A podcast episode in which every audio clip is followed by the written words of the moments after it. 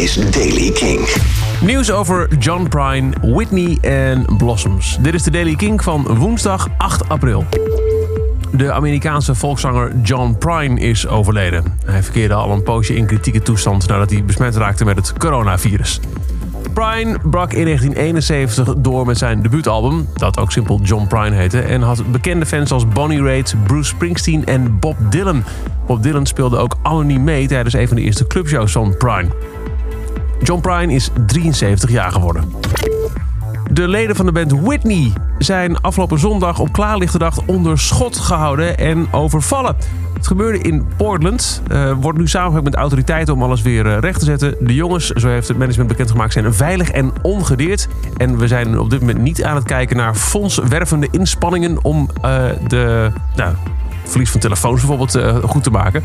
De bassist van de band, Josiah Marshall, schreef op Instagram... Hey, we zijn net al onder schot gehouden, een paar staten van ons huis... en we zijn nu beroofd. We zitten dus een tijdje zonder onze telefoons... En daarbij was te zien een screenshot waarin te zien is hoe de bandleden hun creditcards annuleren. En in deze self-isolation tijden komen er gelukkig wel mooie creatieve dingen tot stand.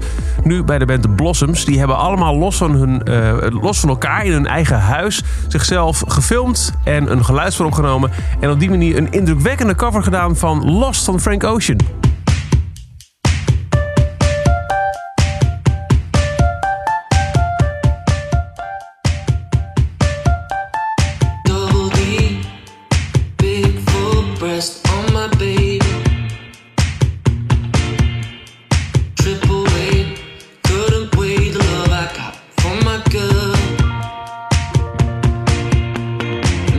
just wanna know why you ain't been going to work. Boss ain't working,